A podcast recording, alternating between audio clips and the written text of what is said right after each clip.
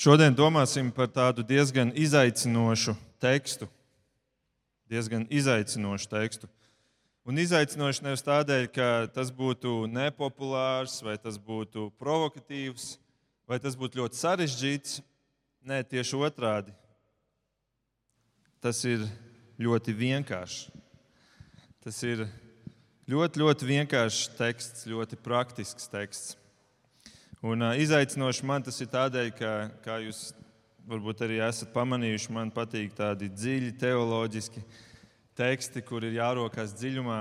Bet um, tas ir tieši tas skaistums šāda veida sludināšanai, kā mēs to darām mūsu draudzē, ko mēs esam izvēlējušies darīt arī ejot cauri šādai vēstulē, ka mēs nevaram izvairīties no tiem tekstiem, kuri varbūt um, nu, ir vienkāršāki, vai varbūt tos mēs neņemtu tā kā to savu svētdienas tēmu, kurā mēs ejam cauri pantu pa pantam, un mums ir jāsludina viss, kas mums tiek likts priekšā.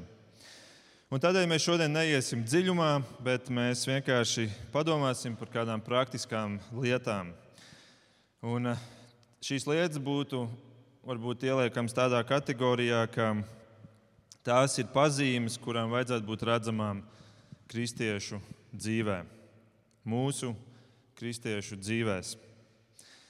Mēs lasīsim no apstuļa Pāvila vēstules romiešiem, lasīsim no 12. nodaļas. Bet uh, iepriekšējās 11 nodaļas, kas ir bijušas, tās ir bijušas zem tāda liela teoloģijas bannera virsraksta. Tur bija tāda ļoti dziļa teoloģija.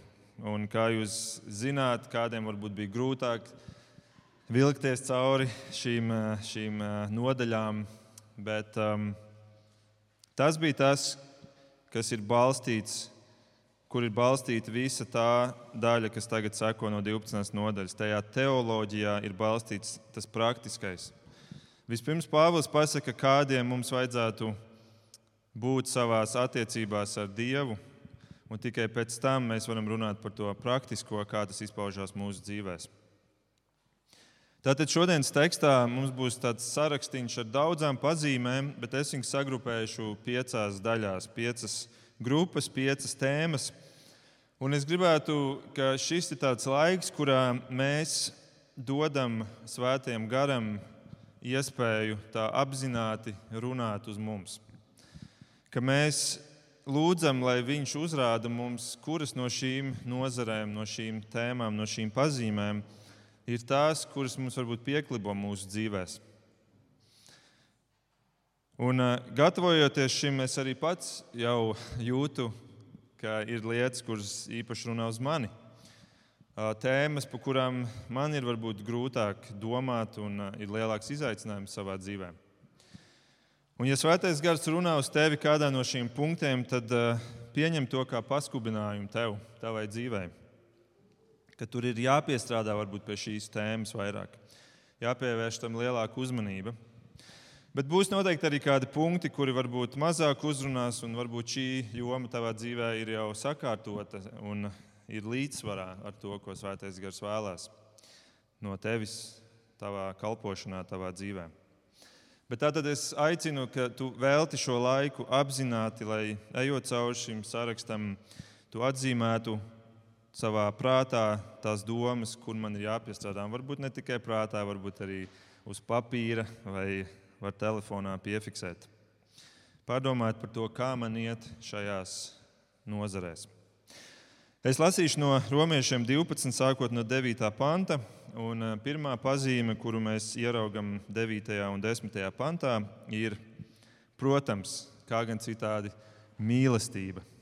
mīlestība. Tātad mēs tur lasām romiešiem 12, 9 un 10.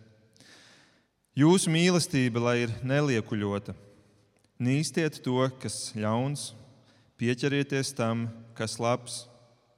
Brāļu mīlestībā jūsu starpā lai ir sirsnīga. Centieties cits citu pārspēt savstarpējā cieņā. Protams, pirmā pazīme ir mīlestība. Un arī Jēzus to ir devis kā tādu svarīgāko pazīmi, pēc kuras atpazīs kristiešus. Jūs varbūt atminaties Jāņa 13, 35. Viņš ir teicis, no tam visi pazīs, ka jūs esat mani mācekļi. Ja jums būs kas savā starpā? Mīlestība. Mīlestība. Bet līdzīgi kā Poncijas Pilārs jautāja, kas ir patiesība, mēs varētu jautāt, kas ir mīlestība. Mīlestība, hmm, tik ļoti plašs jēdziens, vai ne? Tik ļoti plašs tā ir problēma, varbūt. Īpaši arī šodien domājot par to, kā sabiedrība definē vārdu mīlestību, ir jāsaka, tas ir ļoti plašs. Bet es vēlos palikt tādā mazliet šaurākā domām. Neiesim tagad ārā uz sabiedrību, padomāsim par to, kas uh, ir mīlestība mums, kristiešiem.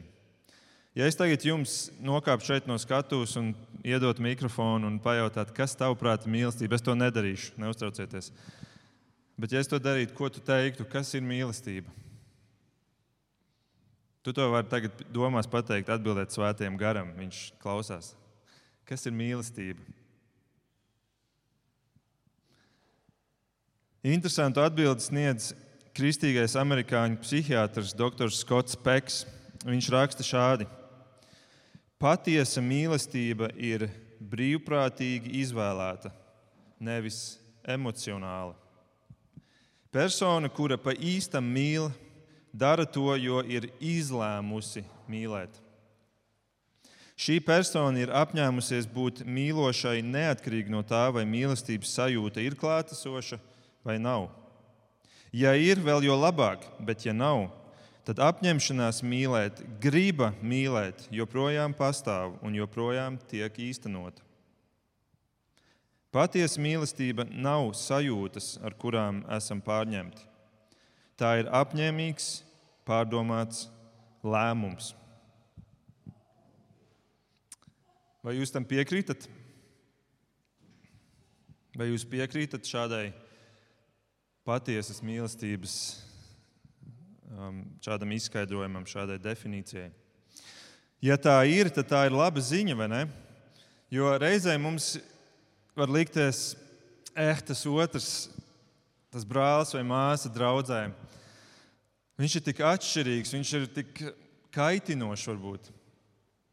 Viņš ir tik atšķirīgs, viņu ir tik grūti mīlēt un pieņemt. Un kā viņu var mīlēt? Bet redzi, ja tā ir izvēle, ja tā ir apņemšanās, tad, tad var to darīt. Ja mīlestība nav obligāti tās sajūtas, tā, tā, tas connections, angļuiski sakot, tas, ka mēs jūtam, viņš ir uz viena viļņa ar mani, es viņu saprotu. Ja nav obligāti jābūt šīm sajūtām, un es šeit nerunāju vispār par romantisko mīlestību, bet, bet par šo, šo izpratni un, un sapratni, ka tas cilvēks man ir patīkams. Ja tas nav obligāti klātesošs mīlestībā, tad ir cerība. Jo kaut arī es nejūtu šo emocionālo mīlestību pret otru, es tomēr vienmēr varēšu gribēt viņu mīlēt. Es vienmēr varēšu gribēt un izvēlēties apzināti viņu mīlēt. Un tādā ziņā es varu piekrist šim psihiatram, jo patiesībā Jēzus jau arī kaut ko līdzīgu saka piemēram, Mateja 22, 37. Viņš saka, tev būs Dievu savu kungu mīlēt no visas sirds, no visas dvēseles un no visa sava prāta. Un tagad es lasu šos pāntus, man vienmēr ir bijis jābrīnās par šiem, šiem diviem vārdiem. Tev būs. Un tev liekas, kā tu vari pavēlēt mīlēt kādu? Tā ir pavēle, tev būs to darīt, bet kā tu to vari darīt? Kā tu vari cilvēkam pavēlēt, mīlēt? Kā tu vari kristētim pavēlēt, mīlēt Dievu? Un mums, kā šodien, 21. gadsimtā dzīvojošiem, liekas, tas, ir, tas neiet kopā. Ne? Tāda, tāda pavēle mīlēt, kuras noliek nost visas tās savas individuālisma priekšrocības, kuras varu izvēlēties, ko es mīlēšu. Es varu izvēlēties, kas man patīk. Šeit, ja es saku, tev būs mīlēt. Bet redzi, var pavēlēt, gribēt, var pavēlēt, apņemties, var pavēlēt, censties mīlēt. Un jā, no vienas puses, ja es parādu to latiņu, ka redzi, tev tā būs darīt, tev būs mīlēt Dievu simtprocentīgi, lai mēs redzētu, ka mēs nekad nevarēsim to izpildīt, un lai mēs saprotam, kas mēs esam. Lai mēs nekļūstam augstprātīgi, uzskatot, ka es jau Dievu mīlu pilnīgi. Jā, tā ir tā lielā, varbūt dziļa teoloģiskā doma, bet atcerieties, mēs šodien nerunāsim par to dziļo teoloģiju. Tāpēc tā vienkāršā doma ir, ka Jēzus pasakā, tev būs to darīt, un tas, ko tu vari darīt, kas var būt tava un mana atbilde, ir, ka es iz, izlēmju, apņemos to darīt. Un tas ir tas, es ticu, ko Jēzus sagaida no mums. Kad mēs lasām šodienas teksta vārdus, un tur ir teikts, jūsu mīlestība, lai ir neliekuļota, tad šis vārds neliekuļot ir gandrīz tas pats, tas ir tas pats virziens, par kuru mēs tagad runājam. Jo atkal te ir pavēle, atkal mums vajag kādu mīlēt un neliekuļot. Un ja es tā nejūtos, ka es to otru cilvēku varu mīlēt ar savām sajūtām,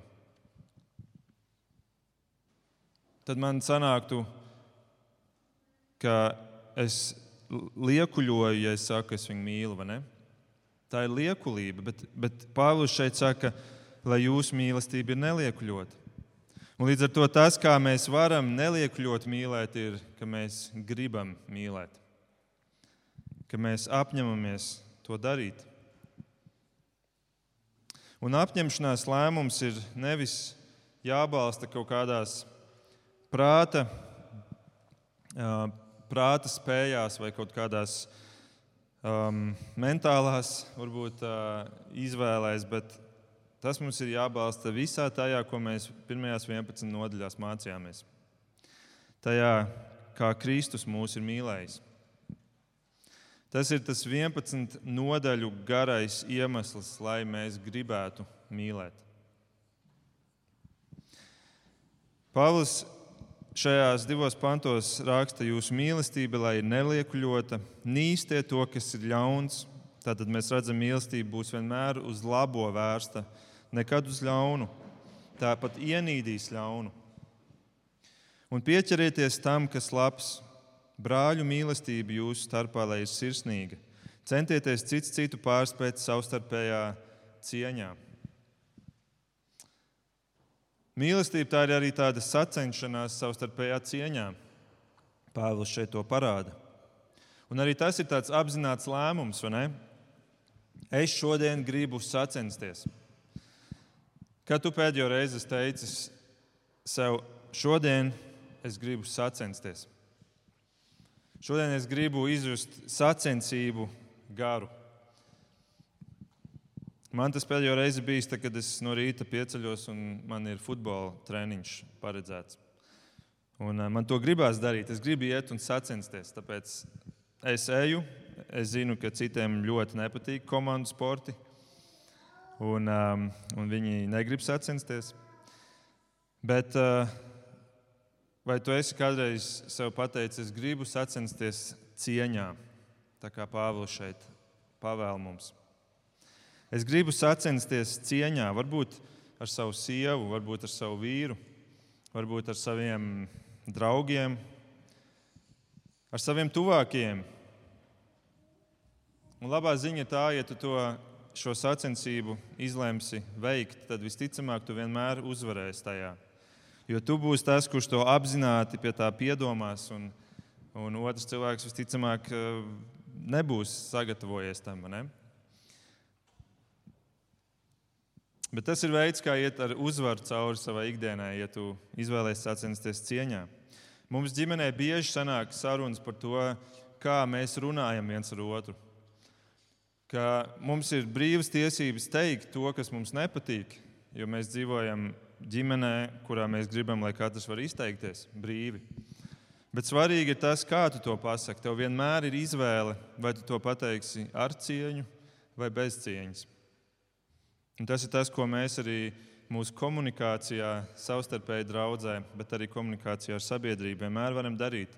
Pat ja mūsu vērtības nesakrīt, pat ja nesakrīt mūsu definīcija par mīlestību, kā tas šodien ir, notiek mūsu vidū, tad uh, mēs to vienmēr varam darīt ar cieņu.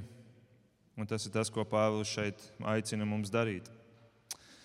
Tā nu mīlestība un cieņa iet roku rokā, bet ziniet, kas turās vēl pie mīlestības otras rokas? To ir pateicis vīrs vārdā Tomas Akempis. Viņš saka, kurš mīl daudz, dara daudz. Kurš mīl daudz, dara daudz. Un tas mums aizved pie otrā punkta, un tā ir kalpošana. Kalpošana no 11. līdz 14. pantam. Savā darbā neesiet kūtri, esiet dedzīgi garā, gatavi kalpot tam kungam, priecīgi cerībā, pacietīgi bēdās, neatlaidīgi savā lūgšanās. Palīdziet svētajiem viņu vajadzībās, centieties parādīt viesmīlību. Svētījiet tos, kas jūs vajā, svētījiet un nenolādiet.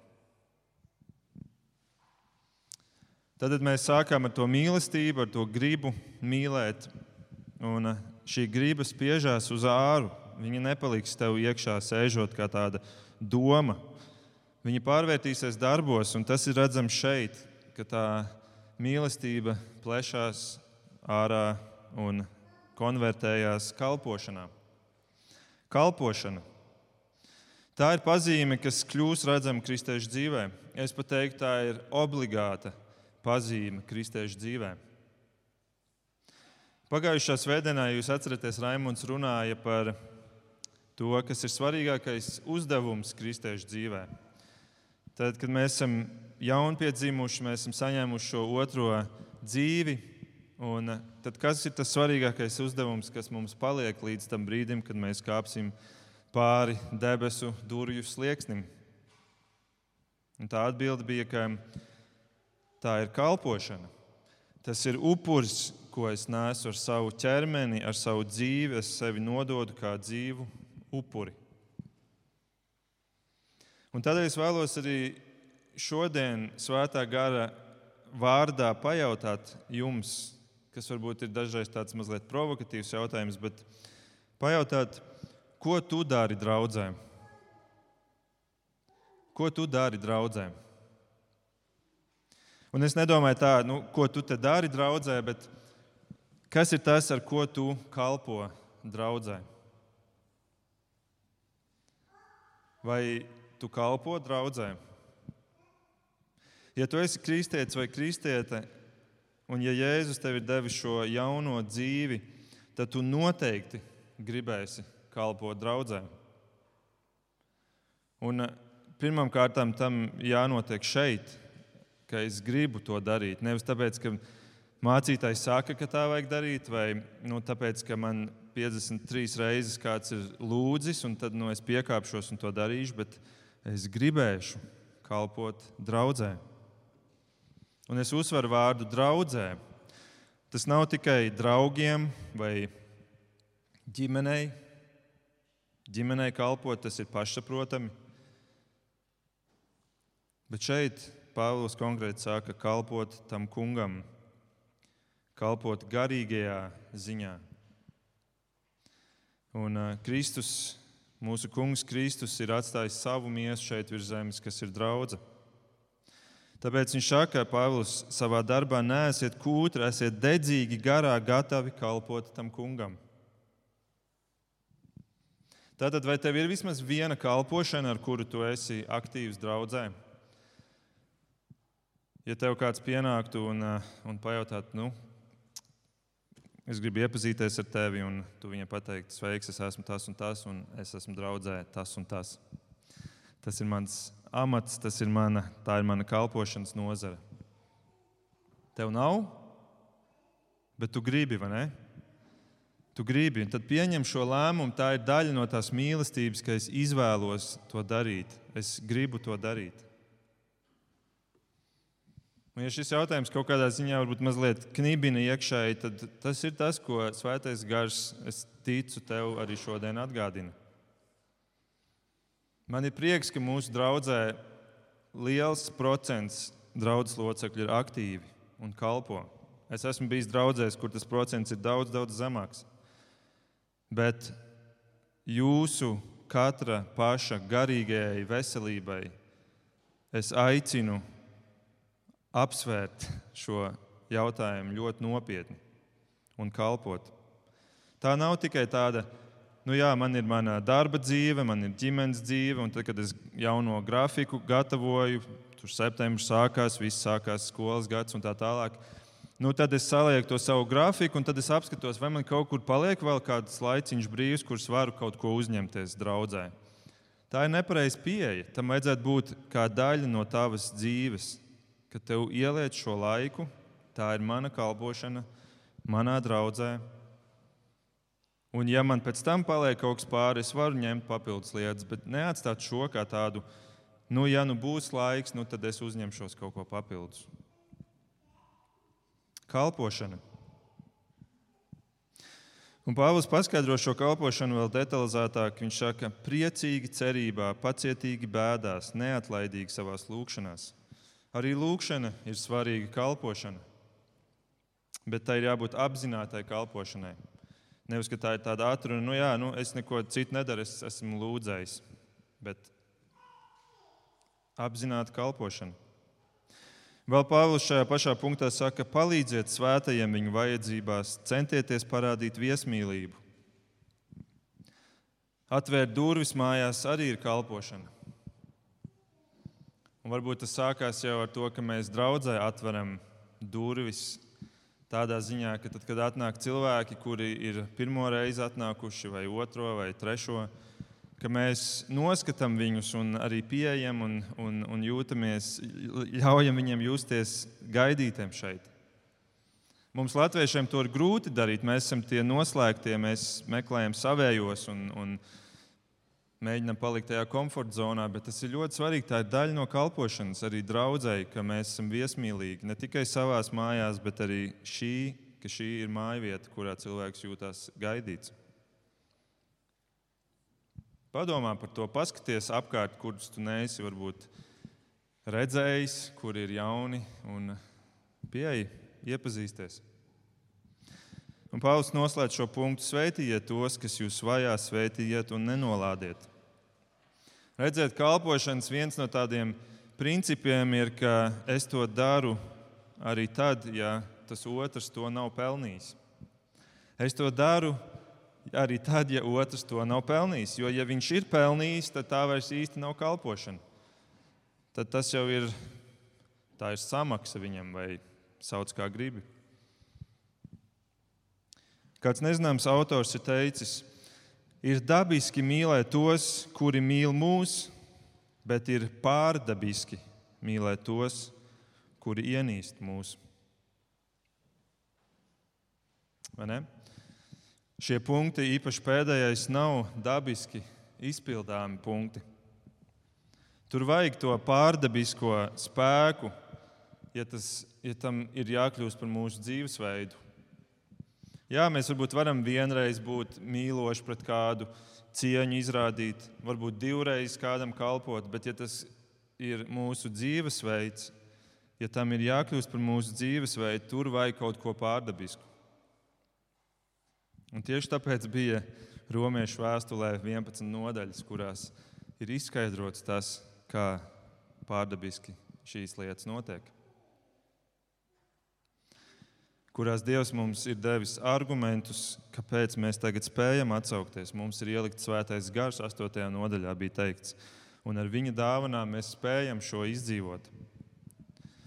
Mums ir dotas, ja mēs tā varētu teikt, superspējas Un ir vēl viena superspēja, kur Pāvils šeit liek rindā, un tas ir mūsu trešais punkts. Tad bija mīlestība, kalpošana, un trešais ir empātija. 15. un 16. pants. Priecājieties ar priecīgajiem, raudiet ar tiem, kas raud. Turiet vienādu prātu cits pret citu. Nēsiet iedomīgi, bet sniedziet roku zemajiem.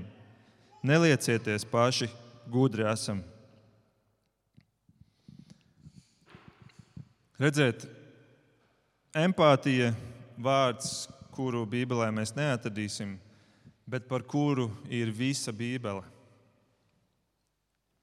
Dievam bija empātija pret cilvēku, pret bezskaunīgo, nodevēju cilvēku. Un ar viņa superspējām mēs varam būt arī tādi, kādus, kāds viņš ir pret mums. Iejusties otra priekos, nevis skaust. Dažreiz šodien liekas, liekas, ka tur tiešām ir vajadzīga superspēja, ka es spēju patiesi priecāties par otru cilvēku. Īpašība, kuru šajā sociālo tīklu laikā lielā mērā mēs grasamies pazaudēt, tāpēc ka ir sajūta, ka nu jā, tas otrs jau tikai lielās par sevi. Tā ir tāda lielīšanās, mēs mēģinām izcelt tikai to labāko, un, un tā ātri kļūst par tādu kā sacensību, kuram tur ir vairāk sekotāju, followeru. Bet ne jau tikai sociālajā tīklu jomā, digitālajā pasaulē. Bet tā ir tāda, mēs esam aicināti iet tādā sacensībā, cieņā, nevis skaudībā, kā mēs mācījāmies. Tādēļ spēt par otru priecāties, tā ir arī tāda kristiešu spēja. Bet arī tas pats ir ar bēdām, bēdāties un just līdzi. Man liekas, ka Ukraina mums ir kādā, kaut kādā ziņā palīdzējusi atgūt šo spēju. Tā ir kļuvusi par tādu spilgtu piemēru, bet ir arī citi piemēri. Piemēram, ebrejiem 13.3 ir teikts, atcerieties ieslodzītos, it kā arī jūs būtu tādi. Redziet, tā empātija, it kā jūs būtu tādi, kādi ir viņi. Atcerieties ieslodzītos, it kā arī jūs būtu tādi, tos, kas tiek mocīti, jo arī jūs paši esat miesā. Cik daudz mēs atceramies par, par tiem, kas ir ieslodzīti Kristus vārdā? Es zinu, ka man tas kļuva aktuāli tad, kad bija Afganistānā visa tā, visa tā, tā tie izaicinājumi ar kristiešiem, kuri bēga. Tad tas kļuva tāds, jā, tagad es par to iestājos vairāk, lūdzu vairāk un, un tā tālāk. Un, un tad atkal tas tā noplok. Bet tas ir aicinājums arī mums, varbūt kā draudzē kopumā, iestāties par vairāk par, par tiem, kuri cieši Kristus vārdu dēļ. Pāvils šajā punktā saka tālāk: turiet vienādu prātu cits pret citu. Nēsiet iedomīgi, bet sniedziet roku zemajiem. Noliec, neliecieties paši, gudri esam. Un atkal tāda superspēja, vai ne? Spēt redzēt cilvēku aiz, viņas, aiz viņa ādas audiem un kauliem, redzēt to garu, kurš tur iekšā sēž. Un apzināties, cik šis cilvēks, vienalga kāds ir viņa apvalks, vienalga ar kādām drēbēm viņš ir šodien atnācis, kāds ir viņa sociālais, ekonomiskais līmenis, bet tur iekšā ir tas gars, tas mūžīgais gars, kurš drīz nebūs ilgi, drīz būs pie Dieva mūžībā. Tur ir vajadzīga superspēja, lai mēs spētu tā redzēt. Paskaties klusībā uz kādu cilvēku, kurš tev sēž priekšā vai blakus. Labāk priekšā, lai viņš nejūt, ka tu uz viņu paskaties. Paskaties uz viņu un padomā par to. Viņā ir mūžīgs gars, kas ir šobrīd ieslodzīts šajā mīsīgajā apvalkā. Un tādēļ mēs apzināmies, ka mēs neesam augstāki, jo mēs esam tāds pats gars. Mēs esam piedzīvojuši varbūt citu startu šajā fiziskajā dzīvē. Mēs esam piedzimuši citā vietā, labākā, varbūt sociālā un ekonomiskā līmenī, ģimene, kura ir ar augstākiem morāliem standartiem. Bet vienam tas starts ir vieglāks, otram viņš ir grūtāks. Es apzinos, ka Dievs man ir devis salīdzinoši vieglu startu manā dzīvē. Es esmu piedzīvis laikā, kad valda miers kristīgā ģimenē. Es to apzinos, un, un es apzinos, ka es esmu ticis pasargāts no daudzām nelaimēm. Es to apzinos, bet mans izaicinājums ir tāpēc to nepieņemt kā pašsaprotamu, kā savu nopelnu, Drīzāk otrādi - apzināties, ka tā ir ļoti liela atbildība, kura diev, kur Dievs man ir devis un kur Dievs no manis arī atprasīs. Tāda ir tā empātija, tik ļoti svarīga kristieša sastāvdaļa. Ir vēl ceturtā pazīme. Tad mums bija mīlestība, kalpošana, empātija. Ceturtā pazīme, kuru Pāvils dod 17. un 18. pantā, ir miers. Kristietī miers. Viņš raksta, neatmaksājiet nevienam ļaunu ar ļaunu, domājiet par to, ka varat labu darīt visiem cilvēkiem. Ja iespējams, no savas puses turiet mieru ar visiem cilvēkiem. Ah, miers, un ne? Tik liela vērtība šodien. Vērtība, kuru mēs pirms diviem gadiem, pirms gada novērtējām daudz zemāk. Es jau pieminēju futbolu, man patīk futbolu spēlēt, man patīk arī futbolu skatīties. Un kopš kara Ukrainā ir notikušas tik lielas izmaiņas um, futbola spēļu un, un arī pārēžu vidē, kādas es nekad iepriekš neesmu redzējis. Es neesmu redzējis, ka nekas cits iepriekš nav tik ļoti ietekmējis šo jautājumu. Un proti, es esmu redzējis, kā futbola laukuma centra aplī, jūs zināt, futbola laukumam tāds aplis pa vidu, un tad tāda viena svītra iet pa vidu cauri. Ir pievilktas divas svītras blakus, lai parādītu miera simbolu. Dažos stadionos tagad viņi visu laiku spēlē ar šo miera simbolu, kas ir iejaukšanās futbola laukuma noformējumā, kas nekad iepriekš nav noticis. Dažreiz pie rezultātu tablo ir pielikts blakus tām divām komandām vēl trešais karodziņš, Ukraiņas karoks. Nekad neviens neko tādu nav darījis. Uz Čempionu līgas, kas ir pat augstākā futbolu uh, turnīru līmenis uh, uz reklāmas standiem ir uzraksti Peace, Mir. Viņi ir gatavi atteikties no lielām sponsoru naudām, lai reklamētu mieru. Nekad iepriekš tādā līmenī nav neviens atļāvies futbolā kaut ko reklamēt, un tagad tiek reklamēts miers. Bet miers starp valstīm jau sākās ar kaut ko citu, vai ne? Ar mieru starp ko? Starp cilvēkiem.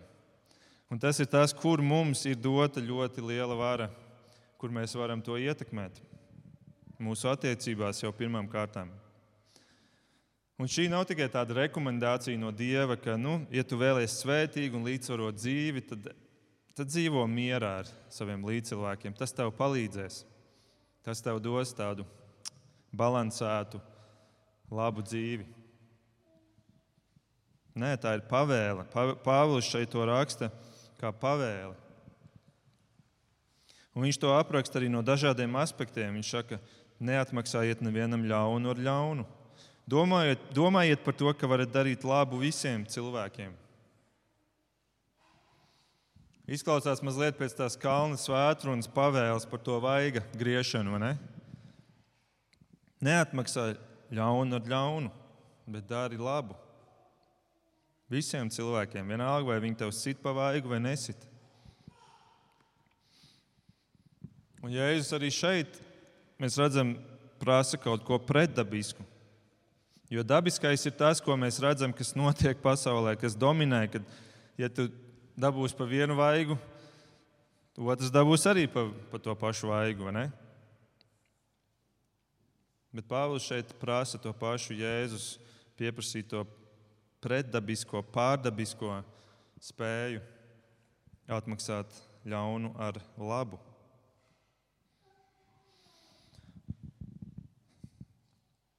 To varētu salīdzināt ar tādu matemātisku pieeju. Man patīk skaitļi, varbūt jūs arī esat pamanījuši. Un, līdzīgi kā Jēzum jautā par tām septiņām reizēm atdošanu, un Jēzus saka, nē, nē, septiņas, nē, ir 70 reizes septiņas. Tāpat mēs varētu teikt, ja otrs tev izdara ļaunu, tad tā sajūta varbūt ir, ka tev viņš tev kaut kādus, nezinu, 20% no tavas labsajūtas, no tavas dzīves vērtības, cieņas tajā brīdī nozog. Iedzen tādu robu.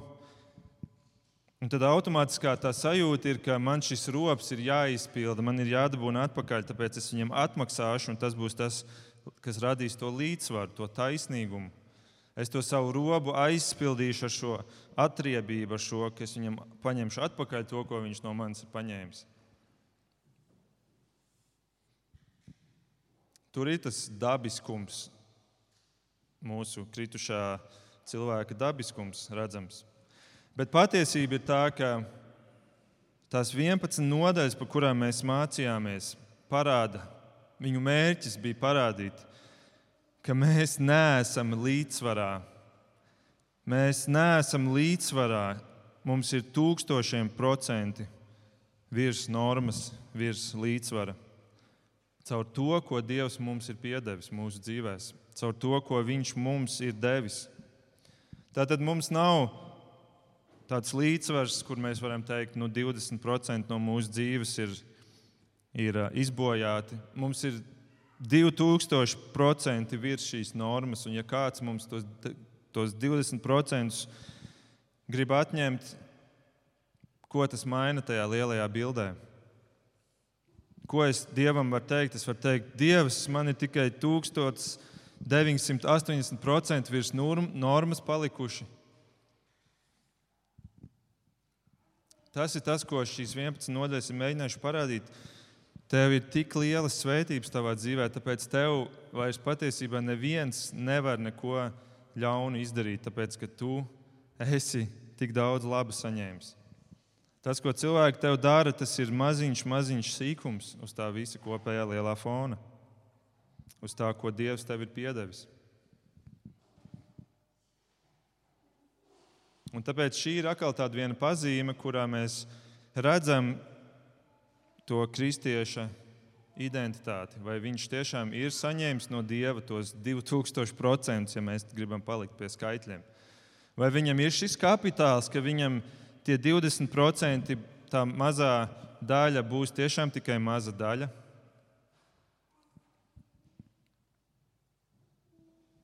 Bet tam, kuram nav šī kapitāla, viņam tie 20% ir piektā daļa no dzīves. Tur ir dziļš aizvainojums, tur ir vēlme atriept, tur ir grūtības piedot. Un Pāvils noslēdz šo ceturto punktu ar vārdiem: Ja iespējams, no savas puses turiet mieru ar visiem cilvēkiem.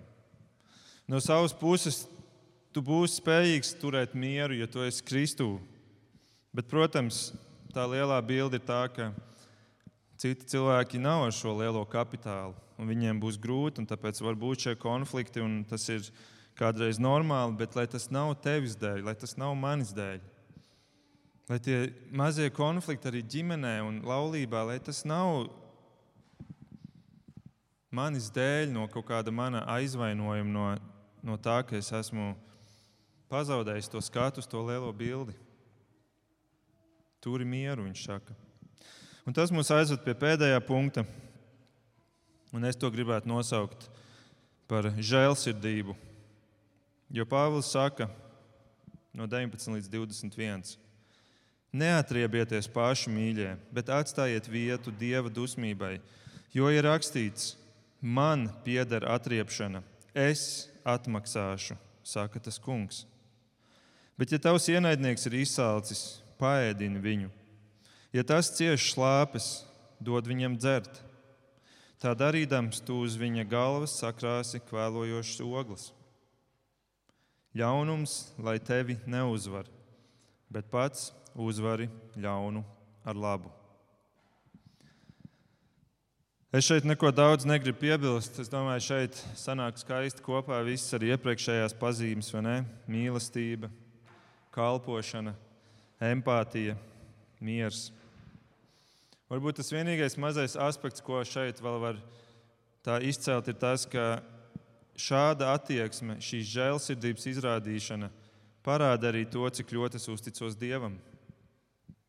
Arī miera jautājumam. Jo Dievs saka, es būšu tas, kurš nokārtos šo. Es būšu tas, kurš atmaksās, es būšu tas, kurš parūpēsies par taisnīgumu šajā jautājumā. Un, ja es uzticos Dievam, tad es varēšu palikt žēlsirdībā, dot žēlsirdību, nevis prasīt savu taisnību. Nu tā, noslēgot, noslēdzot, Pāvils mums tātad atklāja šī kristīgā cilvēka tēlo šīm piecām pazīmēm, ka šāds cilvēks, kurš ir Kristū, viņš izvēlas mīlēt, viņš izvēlas mīlēt, viņš kalpo draudzē, viņš ir empātisks, viņš meklē mieru un viņš izrāda žēlsirdību.